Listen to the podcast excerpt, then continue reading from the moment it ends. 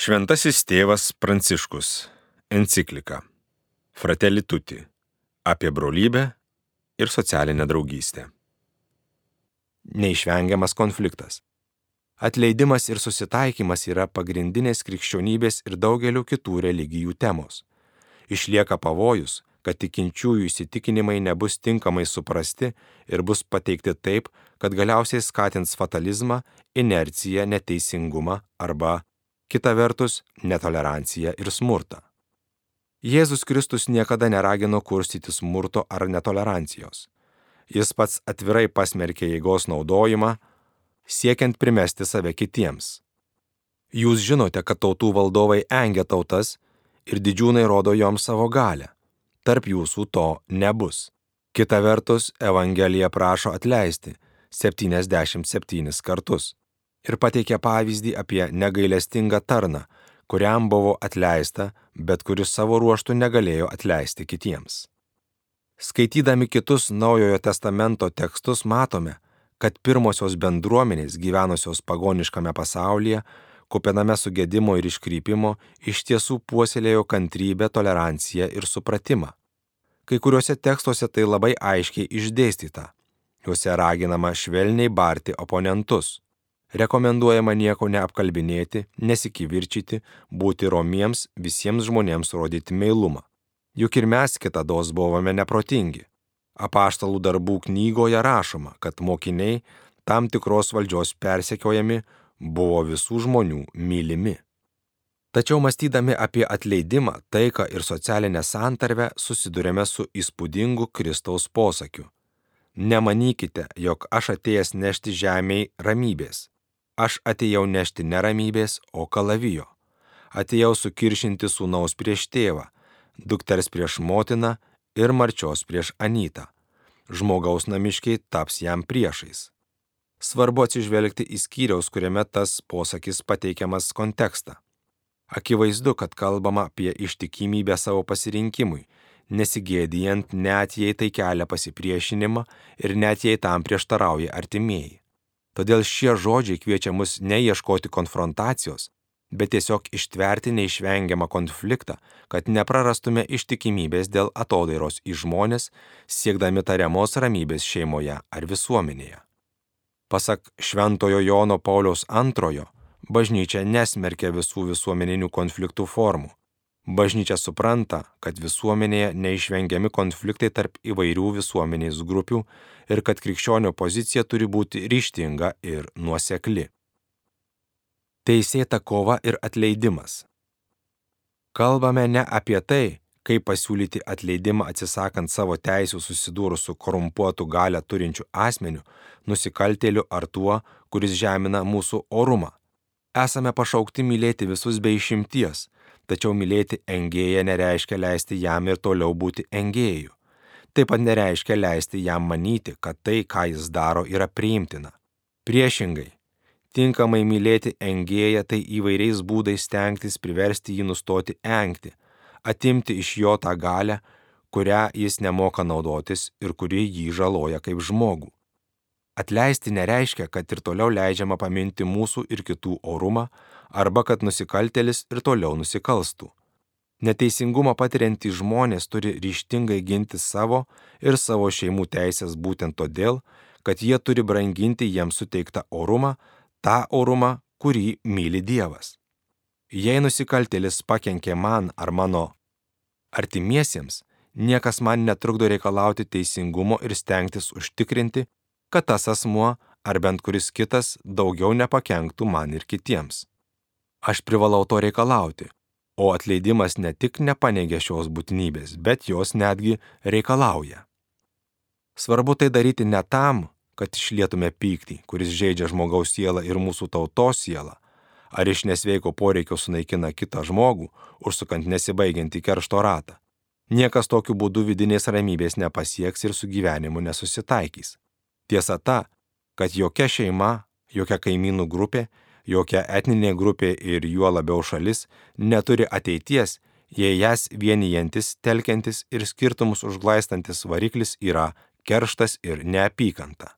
Negalime susitarti ir susivienyti siekdami atkeršyti, padaryti smurtautojams tą patį, ką jie padarė mums. Planuoti atsimokėti tuo pačiu neva teisėtomis formomis. Tokiu būdu nieko negaunama, o ilgainiui viskas prarandama. Be abejo, nelengva įveikti konflikto paliktą kartų neteisingumo, priešiškumo ir nepasitikėjimo palikimą. Tai įmanoma tik nugalint blogį gėrių ir puoselėjant tas dorybės, kurios skatina susitaikymą, solidarumą ir taiką. Tokiu būdu tiems, kurie leidžia gerumui aukti, jis suteikia sąžinės ramybę, gilų džiaugsmą net sunkumų ir nesusipratimų akivaizdoje. Net ir patirtų skriaudų akivaizdoje gerumas yra nesilpnumas, bet tikra stiprybė, gebanti atsisakyti keršto. Būtina savo gyvenime pripažinti, kad tas griežtas brolio ar sesers smerkimas, kurį nešiojosi širdyje, ta neužgydyta žaizda, net leistas blogis, tas apmaudas, kuris man tik kenkia, yra fragmentas karo, kurį nešiojosi savyje, tai mano širdyje rusenanti ugnis, kurią reikia užgesinti, kad neįsipliekstų gaisras. Tikrasis įveikimas. Kai konfliktai nėra sprendžiami, o paslėpiami ar palaidojami praeitie, nutilėjimas gali reikšti, kad tampama sunkių klaidų ir nuodėmių bendrininkais. Priešingai, tikrasis susitaikymas nevengia konflikto, bet pasiekiamas jo metu įveikiant jį dialogu ir skaidriomis, nuoširdžiomis bei kantriomis dėrybomis. Kova tarp skirtingų sluoksnių, kai susilaikoma nuo priešiškumo ir abipusės neapykantos veiksmų, pamažu virsta sąžininga diskusija pagrįsta teisingumo siekiu. Keletą kartų siūliau socialiniai draugystiai mėgsti būtiną principą - vienybė pranoksta konfliktą. Tai nesinkretizmas, vieno įsirbimas į kitą, bet aukštesnio lygio sprendimas įsaugant tai, kas vertinga abiejose pusėse. Gerai žinome, kad kas kart, kai sugebame kaip asmenys ir bendruomenė žvelgti toliau nei mes patys ir mūsų daliniai interesai, abipusis supratimas ir įsipareigojimas virsta solidarumu, kur konfliktai įtampos ir tai, kas praeitie galėjo būti laikoma priešybėmis, gali susijungti į daugelįpę vienybę, duodančią pradžią naujam gyvenimui. Atmintis. Negalima reikalauti savotiško socialinio atleidimo iš tų, kurie daug neteisingai ir žiauriai kentėjo. Susitaikymas yra asmeninis reikalas ir niekas negali jo primesti visai visuomeniai, net jei jam tenka užduotis jį skatinti.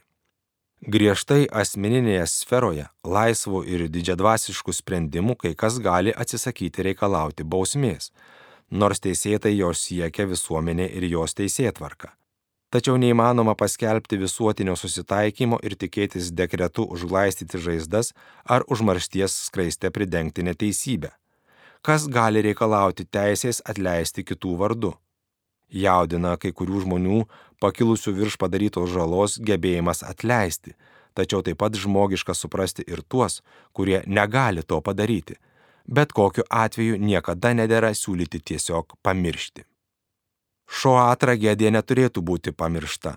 Ji yra simbolis, kaip toli gali nueiti žmogaus nedorybė, kai jis, kurstomas klaidingų ideologijų, pamiršta pamatinį kiekvieno žmogaus orumą – verta absoliučiai pagarbos, kad ir kokiai tautai priklausytų ir kokią religiją išpažintų. Prisimindamas šoą nerandu kitų žodžių kaip tik šią maldą. Suteik mums malonę jausti gėdą dėl to, ką mes kaip žmonės padarėme, jausti gėdą dėl šios didžiosios tapmeldystės, kai paniekinome ir sunaikinome savo pačių kūną, tą, kurį tu nulipdėjai iš molio, kurį atgaivinai savo gyvybės dvelgsmu daugiau niekada viešpatie, niekada daugiau. Negalima pamiršti Hirosimos ir Nagasakio atominio bombardavimo.